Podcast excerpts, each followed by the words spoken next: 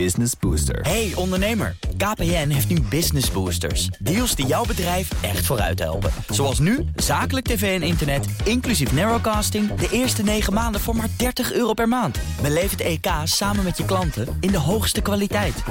Kijk op kpn.com slash businessbooster. Business Booster. Economie te stimuleren. En Polen en Hongarije dwarsbomen de plannen voor het Europese herstelfonds. Dus veel Europa vandaag in het economenpanel... met Aline Schuiling, senior-econoom van ABN AMRO... en Valentijn van Nieuwenhuizen, chief investment officer van NN Investment Partners. Welkom. Hallo. Dankjewel. Fijn dat jullie er zijn in de studio. Laten we met eh, donderdag beginnen, want eh, dan komt de ECB bij elkaar. En wat wordt er daar besproken, Aline? Nou, dan gaan ze hun eigen nieuwe groeiramingen presenteren. Die zullen ze wel fors moeten gaan bijstellen. Want de vorige zijn uit september. Dus nog voor de tweede coronagolf. En ze hebben zelf eigenlijk ook vrij, ja, of heel duidelijk aangegeven dat ze met een pakket verruimende maatregelen komen. Dus niet één, maar waarschijnlijk meerdere. Dus daar zit iedereen nu op te wachten. En hoe dat pakket eruit ziet, ja, daar heeft iedereen wel ideeën over. Daar kunnen we het straks nog even over hebben. Ah, je, mag, je, mag, je mag meteen uh, mag losbarsten. want het, het Nou. wordt natuurlijk ook wel ingeprijsd als je zo duidelijk zegt... wij komen met iets, nou, Ja. wacht maar af. Ja, ja, nou in elk geval zal het opkoopprogramma van, eh, van obligaties worden uitgebreid. Ze hebben een, een speciaal pandemie-opkoopprogramma. Dat is heel flexibel. Dan kunnen ze eigenlijk zoveel kopen als ze maar willen. En dan hebben ze een regulier opkoopprogramma. Eh, waarschijnlijk gaan ze dat ook een beetje verhogen, denken wij. Om te signaleren dat de ECB ook na de pandemie nog een tijd verruimend beleid zal blijven voeren. Dus die twee opkoopprogramma's gaan waarschijnlijk vergroot worden. En ze komen hoogstwaarschijnlijk, of eigenlijk ook wel zeker, met nieuwe steunmaatregelen voor banken. Dat is ook vrij sterk al aangegeven. Overigens eh, las ik nou weer vanochtend ergens... dat het uitkeren van dividenden voor banken weer wordt uitgesteld... met een half jaar, geloof ik, hè? Ja, dat is, dat is natuurlijk weer een heel ander hoofdstuk. Ja. Dit is echt puur over eh, de leningen die banken kunnen krijgen bij de ECB tegen hele lage rentetarieven. En ook, eh, ja, banken moeten natuurlijk geld in deposito's zetten bij de ECB. Die rente is negatief, dus dat moeten banken nu betalen. En dat wordt waarschijnlijk ook weer wat verder verlaagd. Dus nou ja, zo. En is dit nou allemaal... ik stel deze vraag niet voor niks... maar meer van hetzelfde, Valentijn, of niet? Ja, eigenlijk voor het grootste deel wel. In ieder geval wat er nu eh, aankomende donderdag aangekondigd wordt. Want ja, ik zou zeggen, voor de markt is het eigenlijk al geen verrassing meer dat centrale bankiers eh, gewoon met volle kracht eh, het herstel ondersteunen. En dat hebben ze nu gedaan, maar dat dit jaar met corona, maar hebben ze eigenlijk in de afgelopen jaren al gedaan. Hè, toen al die nieuwe maatregelen van opkoopprogramma's al uit de kast zijn getrokken. En eh, ja, zolang je eh, dusdanig je eigen doelstelling op inflatiegebied gebied niet blijft halen en je krijgt zo'n economische klap, dan is toch wel een beetje 1 plus 1, 2 qua beleid. En wat dat betreft zou ik zeggen, is het belangrijkste nieuws van de ECB eigenlijk al geweest. Eh, en dat is gewoon dat Christine Lagarde veel explicieter dan voorheen, ook onder bijvoorbeeld Draghi, uitspreekt dat ze echt een rol ziet voor de ECB. eh, natuurlijk eerst om inflatie terug te brengen naar de doelstelling, maar daarnaast om eh, de financieringskosten voor overheden, overheden laag te houden. Dan zetten ze daar niet, zoals de facto in Japan gebeurt, een expliciet doelstelling voor rentetarieven op. Hè. Die In Japan zeggen ze gewoon, nou, we halen die rente gewoon op nul. Eh, maar ja, de facto komt het daar wel een beetje op neer. Zodat die nationale overheden ook hun verantwoordelijkheden kunnen blijven nemen. nou ja, dat in ieder geval inderdaad. Hè, dat, dat, dat, dat, dat riep Draghi ook al. Maar dat is Ja. natuurlijk nog veel meer versterkt nu met dat Europese steunpakket en al die noodmaatregelen van overheden. Dat eigenlijk de ECB zegt van ja, goed, wij zullen er in ieder geval voor zorgen dat die, eh, die kosten van al die pakketten voor die overheden niet uit de hand lopen. Maar, ehm, en dat, dat eh, is een vraag voor jullie beiden... maar worden al die instrumenten niet wat bot? Want eh, we kennen die instrumenten. Je kunt natuurlijk nog verder gaan met het opkopen... speciale opkoopprogramma's optuigen. Je kunt misschien ergens nog een beetje sleutelen aan rente... maar nauwelijks meer. Dus, dus is dit een, een weg die je maar moet blijven bewandelen? Of Ja, komt er ook een moment dat je moet omkeren? Ja, Valentijn zei het al. Want ja, mevrouw Lagarde heeft een paar weken geleden een hele belangrijke speech gegeven. Normaal gesproken is dat eh, jaarlijks geeft het ECB een groot forum. Dat is in Sintra. Ja, dat was nu natuurlijk digitaal. Maar dat deed meneer Draghi ook. En dan, dan spreken ze echt een beetje over de langere termijn vooruit. En toen zei mevrouw Lagarde heel duidelijk: van nou, in dit soort omstandigheden, bij dit soort crisis is het begrotingsbeleid het belangrijkst. Dus je moet, het begrotingsbeleid is het belangrijkste eh, om nu eh, de crisis te aan te pakken. En het monetaire beleid is er eigenlijk alleen maar op dit moment om het begrotingsbeleid te ondersteunen. En om ervoor te zorgen dat de banken ook eh, krediet kunnen blijven verlenen. Dus ja, zij heeft eigenlijk ja, de ECB een beetje op tweede plan gezet en gezegd van ja, de belangrijkste taak ligt bij overheden, begrotingsbeleid. En de ECB faciliteert dat door de rente laag te houden, zodat die overheden zichzelf kunnen blijven financieren tegen lage kosten. En begrotingsbeleid is in dit geval duidelijk iets anders dan begrotingsdiscipline, toch?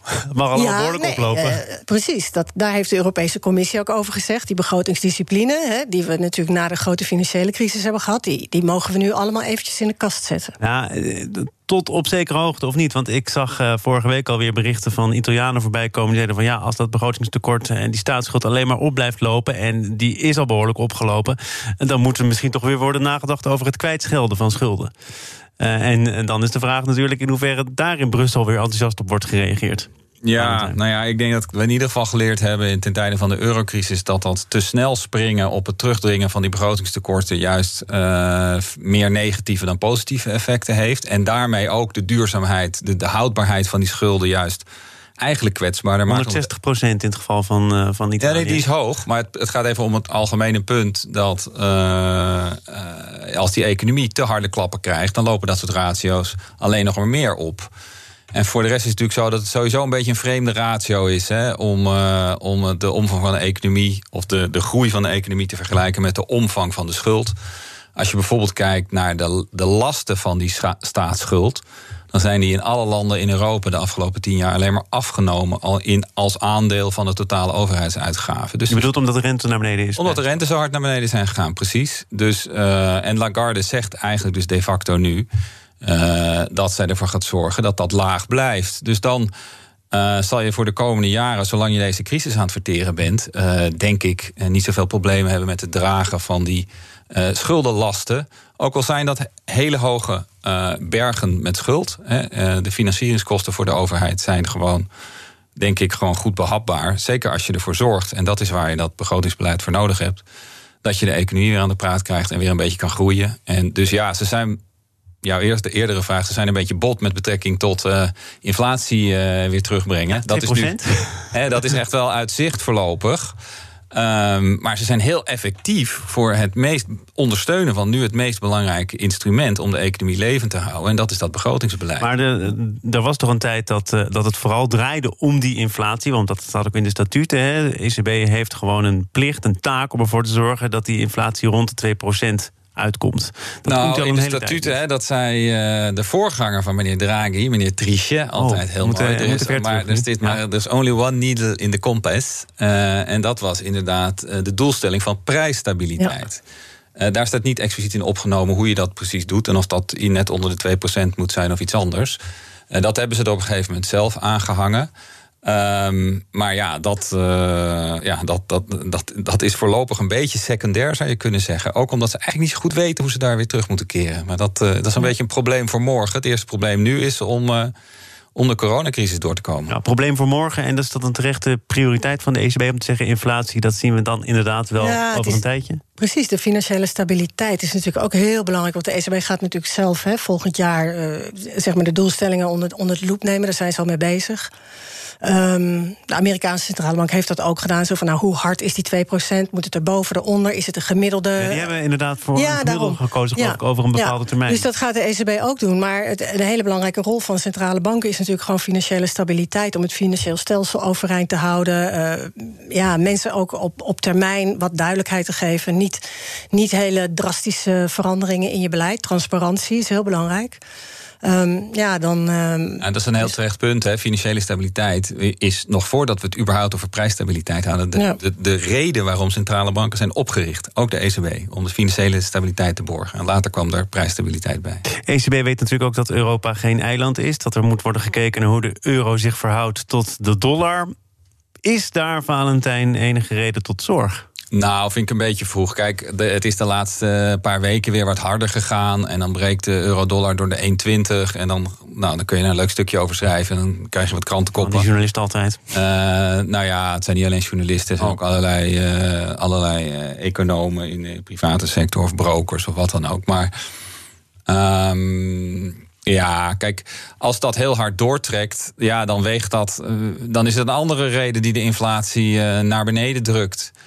Maar goed, de afgelopen jaren heeft die koers zo tussen de, tussen de 1, net boven de 1, laten we zeggen 1,5 en de 1,20 bewogen. Een beetje ups en downs. Maar 1,20 stel jij nu wel als grens. Stel dat hij daar nou weer doorheen breekt, dan Nou ja, het, Wat dan? Het is geen speciale grens. Kijk, eh, het is gewoon, het gaat altijd uh, om de verandering. Als die echt heel groot wordt, dus als je naar de 1,30 gaat bewegen, dan heb je ten opzichte van eerder dit jaar een behoorlijke verandering, 10, 15 procent. Ja, dat weegt dan wat op importtarieven en dan gaat de inflatie nog wat lager. Um, ja, ze letten er altijd op. Ze zijn er gevoelig bij, omdat het belangrijk is in hun modellen. Uh, maar laten we ook reëel zijn. Ze gaan de doelstelling de komende twee jaar toch niet halen. En dan gaan ze hem nog wat minder on, uh, undershooten als de, als de dollar wat hoger is ik denk niet dat dat nou uh, de meest doorslaggevende factor gaat zijn de komende 12 of 24 hm. maanden in het beleid van de Valentijn slaapt er niet minder om, die wisselkoers. Aline, nee, jij wel? Ja, nee, niet echt. En het, is ook, het komt natuurlijk van twee kanten. En, en, en de, de, de zwakte van de dollar heeft ook heel erg te maken natuurlijk met, de, met het feit dat er een democratische president zit die een expansief beleid. Hè, de, de, de, begin januari weten we natuurlijk of het Senaat, hè, of de, dus de hele uh, congres uh, democratisch wordt. Zijn ik republikeins? Ik bedoel natuurlijk nee, democratisch. democratisch oh, okay. goed. Ja. Maar goed, in elk geval, dan, dan, dan wordt het begrotingsbeleid in Amerika wordt dus heel expansief. En daarbij komt een heel expansief monetair beleid in Amerika. En dat is een, een combinatie uh, die de dollar wat onder druk zet. Dus het is, het is altijd komt van twee kanten. En soms is het een, een sterke euro-verhaal, maar nu is het meer een zwakke dollar-verhaal. En daar kan je natuurlijk als Europese centrale bank verder ook niet zo heel veel aan doen. Dus dat, dat moet je altijd ook wel een beetje meenemen. En, en inderdaad, wat Valentijn zegt, ik ben het ermee eens. Het is niet nu de grootste bron van zorg, laat maar zeggen, op dit moment uh, voor de ECB. We gaan naar een andere bron van zorg, want die zijn er altijd wel. Zaken doen. Aline Schuiling is hier senior econoom van ABN AMRO... en Valentijn van Nieuwenhuizen, chief investment officer van NN Investment Partners. En die bron van zorg is in dit geval Oost-Europa, Hongarije, Polen. Die uh, liggen dwars daar waar het gaat over de begrotingsplannen van de Europese Unie. En bij de EU bereiden ze nu een noodbegroting voor. Uh, en de vraag is nu: uh, houden Polen en Hongarije voet bij stuk? Het gaat met name over de paragraaf over de rechtsstaat. Wat gebeurt er mocht er inderdaad sprake zijn van een rechte rug bij Polen en Hongarije, Aline? Nou ja, het, het, belangrijkste is dat er dan. Uh, ja, dan moeten ze doorgaan met de begroting van vorig jaar. De, dan komt er geen nieuwe meerjarenbegroting. Uh, maar wat ik denk dat veel belangrijker is, is dat dan. Uh, het hele herstelfonds ja, minder zeker wordt. Um, in elk geval de financiering van het herstelfonds komt dan ook op, op, ja, op, op ijs te liggen. Gaat het over ontzettend grote bedragen, ja. over heel veel impact. Ja. Dus dan moet je ook wel sterk staan als Polen en Hongarije. Nou, en die zijn ook twee van de grote ontvangers van ja. het herstelfonds. Dus dat maakt het uh, ja, al meteen dat je denkt van... nou, moi, waarschijnlijk komen ze er wel uit. Want uh, ook de financiële belangen van Polen en Hongarije... zijn heel groot bij dit herstelfonds. Dus het is een spel dat gespeeld wordt, nog een keer je punt maken... en vervolgens toch ergens via een achterdeurtje proberen aan te haken. Ja, je moet natuurlijk nooit ook vergeten... het zijn, het zijn natuurlijk allemaal nationale overheden... met hun eigen achterban in hun eigen land. En al die landen hebben uh, vroeg of laat verkiezingen. Dus ja, hoe het, hoe dit, het, het debat in de landen zelf speelt ook een rol. Dus regeringsleiders moeten ook uh, af en toe met de vuist op tafel slaan... Uh, om in hun eigen land te kunnen. Maar zelfs hier in Nederland gebeurt het natuurlijk ja. dat, je, dat je vanuit Den Haag een opdracht ja. krijgt. En dat je moet kijken wat je daar in Brussel ja. binnenhaalt. Maar dat er nog wel eens wat licht tussen zit, dat is duidelijk. Ja, maar het gaat ook heel erg om de communicatie natuurlijk. Hè. Je zegt, nou, we hebben echt het onderste uit de kan gehaald. We hebben tot het allerlaatste moment voet bij stuk gehouden. Dan, dan, dan, ja, goed, dan kan je dat misschien in je eigen land makkelijker verkopen. Dat je dus uiteindelijk toch bakzeil haalt. Want ik denk wel dat ze dat zullen doen. Ja, het is de, ja dat, dat speelt mee. Het is natuurlijk wel een beetje een speciaal geval. Het gaat hier echt over de onafhankelijkheid van de rechterlijke macht in die, uh, in die landen. Wat uh, ja, Europa toch heel hoog zit. Ik denk terecht. Um, en ja, mijn verwachting is dat inderdaad de druk behoorlijk verder zal worden opgevoerd. Ik weet niet of we de 1 januari grens gaan, gaan halen. Uh, en dat zou wel, ja, wel heel slecht zijn voor vooral dat, dat herstelplan. Um, uiteindelijk denk ik wel dat Europa sowieso doorgaat. Hè. Je ziet nu dat er een aantal alternatieve routes ook worden bekeken. En als ze wel voet bij stuk houden, dan vraag ik me toch af of ze daar uiteindelijk ook binnenlands als winnaars in gezien zullen worden. Want dan gaat Europa zeer waarschijnlijk een alternatieve route kiezen zonder Polen en Hongarije. Niet iedereen hoeft aan boord te zijn. Om, om dan dat her, toch dat herstelplan uit te kunnen rollen. En dat betekent dat ook al die uitgaven van dat herstelplan niet naar Polen en Hongarije zullen gaan. Dus dat zal best wel heel pijnlijk zijn voor die landen. En dat zullen ze dan ook binnenlands moeten verkopen. Ja. Dus ik ben uh, wat dat betreft wel. Uh, ja, ik ben op korte termijn een beetje pessimistisch dat vertraging oploopt. Op de lange termijn denk ik dat niet zozeer het herstelplan, maar vooral de pijn in uh, Polen en Hongarije het grootste risico is. Tot slot nog even naar ons eigen binnenland, Nederland namelijk. ING voorspelt voor het vierde kwartaal van dit jaar een krimp van 2% allemaal toe te schrijven aan de tweede lockdown, die tweede golf. Um, dan kun je daar natuurlijk op verschillende manieren naar kijken. Namelijk 2% krimp valt wel mee. Uh, eerdere verwachtingen, nog van voor die tweede golf, gingen uit van een groter herstel in zowel het derde als het vierde kwartaal. Wat maak jij ervan, Aline? Ja, Um, wij denken ook een, een heel negatief uh, vierde kwartaal. Daarna, uh, kijk, het probleem is nu doordat je in lockdown en er weer uit beweegt, worden de cijfers gewoon enorm verstoord. Um, dus je zit in een soort zigzagpatroon naar een, een, eindpunt. En we denken dat dat ja, echt het, het, eindpunt pas in de tweede helft van volgend jaar. Dat, dat de economie dan weer min of meer normaal zal gaan draaien. En dan is het dus van, dan kan je naartoe zigzaggen. Je kan een derde golf met weer lockdowns. Maar je kan ook zeggen van nou, het wordt een, een, een geleidelijke lijn er naartoe. Dat hangt er vanaf wat je voor aanname maakt. je zag natuurlijk een enorme jump in het derde kwartaal. Die volgens mij ook al ging men uit van een positief kwartaal. Nog weer veel hoger was dan werd verwacht. Ja, ik denk dat dat ook wel terecht punt is. Hè. Daar moet je een beetje doorheen kijken. Want, eh, want, want eh, ja, als je het vergelijkt met uh, hoe, het, hoe de meeste economen in het uh, begin tweede kwartaal naar de groei keken inclusief een wat zwakker vierde kwartaal, kom je toch sterker uit. Het herstel is gewoon vanaf de zomer een stuk sterker geweest. Dus gemiddeld genomen zal de tweede helft van dit jaar toch nogal sterker uitkomen dan we dachten. Kom je in Nederland misschien 5% uh, eh, lager uit dan aan het begin van het jaar. Misschien 7% lager dan waar je had gestaan als de economie lekker door had gegroeid. Um, dus ik maak me daar eigenlijk niet al te veel zorgen over. Uh, vooral niet omdat je uh, ja, het perspectief uh, op de uitrol van een vaccin natuurlijk nu veel concreter voorhanden hebt. Dat was nog veel onzekerder, ook aan het begin van het vierde kwartaal. De resultaten tot nu toe van die vaccins zijn gewoon aanzienlijk beter dan verwacht werd. En ze zijn er ook sneller dan verwacht. Dus ja, nu gaat het even over hoe krijgen we dat dan breed uitgerold. Nou, dat, dat kost natuurlijk nog wel een paar maanden. Maar ja, je hebt toch wel een behoorlijk perspectief dat het einde in zicht is voor de, het merendeel van de lockdowns. En dat dus inderdaad die economie vanaf het tweede of derde kwartaal volgend jaar toch wel weer uh, flink door kan zetten met zijn herstel. Maar of er nog lockdowns aan te pas moeten komen en voor wie, dat is uh, een vraag. En die vraag hebben ook uh, meerdere economen zich gesteld, samen met ook artsen en andere beleidsmakers. Um, en zij pleiten, het gaat om eh, onder andere leden van dit panel... Barbara Baarsma, Bas Jacobs, Koen Teulings... voor een risicogestuurd beleid... met een duidelijk onderscheid tussen de vatbaren en de minder vatbaren. Uh, andere termen die in hun stuk voorbij kwamen waren dat er uh, sprake moet zijn van een gebalanceerd afwegingskader waarin proportionaliteit, heiligt het doel de middelen en subsidiariteit wordt het minst ingrijpende middel ingezet ook een belangrijke rol spelen. Zij twijfelen daar op dit moment over. Ze vinden ook niet dat het transparant wordt uitgelegd waarom keuzes uitvallen zoals ze uitvallen. Delen jullie die twijfels? Nou ja, ja, voor een deel wel. Ik denk dat er. Uh, ik ben het met het merendeel eens van het stuk. Als je een van de schrijvers, Robin Fransman, een beetje gevolgd hebt het laatste half jaar, dan uh, ken je de inhoud van het stuk ook al. Um, en ja, het enige is dat, dat het einde wel een nogmaals al een beetje in zicht begint te komen. Hè. Uh, wat mij wel, wat zij ook benoemen, vanaf eigenlijk april al verbaasd heeft, is inderdaad dat er niet meer gedifferentieerd werd. Daar waren eh, bepaalde, ja, misschien ook ethische bezwaren tegen. Maar meer gedifferentieerd om explicieter de kwetsbaren te beschermen. En daarmee de last op de zorg te, uh, meer centraal te stellen. Ja, beschermen, dat is eh, een manier om het uit te leggen. Critici op dit stuk, die ik inmiddels ook alweer voorbij heb horen komen, die zeggen: we zijn nu acht maanden verder. En, en kom je dan toch nog steeds met min of meer een hek plaatsen rondom mensen die kwetsbaar zijn, Aline? Ja, het is, het is heel moeilijk. Ik, ik denk, ja, inderdaad, wat Vaantij zegt, je, je loopt al een beetje aan het eind. In het begin was het natuurlijk ook helemaal nog niet eens duidelijk wie kwetsbaar was en wie niet. Hè. Toen dachten we allemaal dat we heel kwetsbaar waren. En, en pas na een tijd. Maar dat beeld werd wel. Ja, precies, maar daar ging wel tijd overheen. En daar moet je dan weer beleid op maken. En ja, het, je, je zou nu bijna zeggen van, nou ja, misschien eh, kunnen we aan deze wijsheid wat hebben bij de volgende pandemie. Want deze, ja.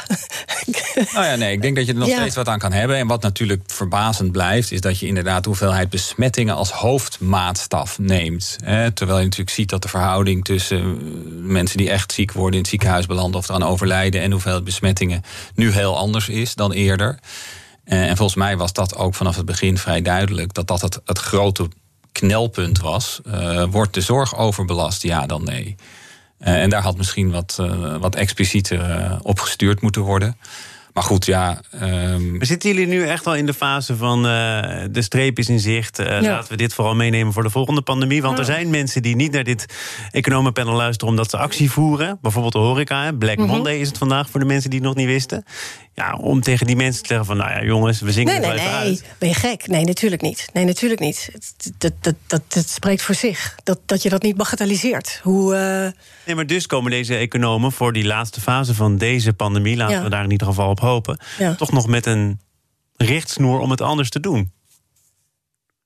Ja, nou ja, en ik, dus ik denk Ja. dat, dat wat ik net al zei, ik, ik ben het er grotendeels mee eens. Uh, de, de vraag is of het gaat gebeuren. Alleen aanvullend daarop denk ik wel, dan heb je het over een richtsnoer tussen nu en mei. Zo'n beetje. Uh, dan dan ja, is het een stuk beter weer. Heb je inmiddels een groot deel van de meer kwetsbare groepen kunnen vaccineren.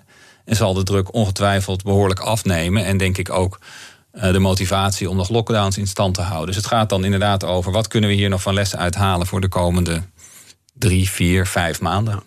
En, en uh, Rutte en de jongen hebben natuurlijk heel vaak gezegd in die persconferenties dat gezondheid en economie geen tegenpolen zijn, maar juist in elkaars verlengde liggen.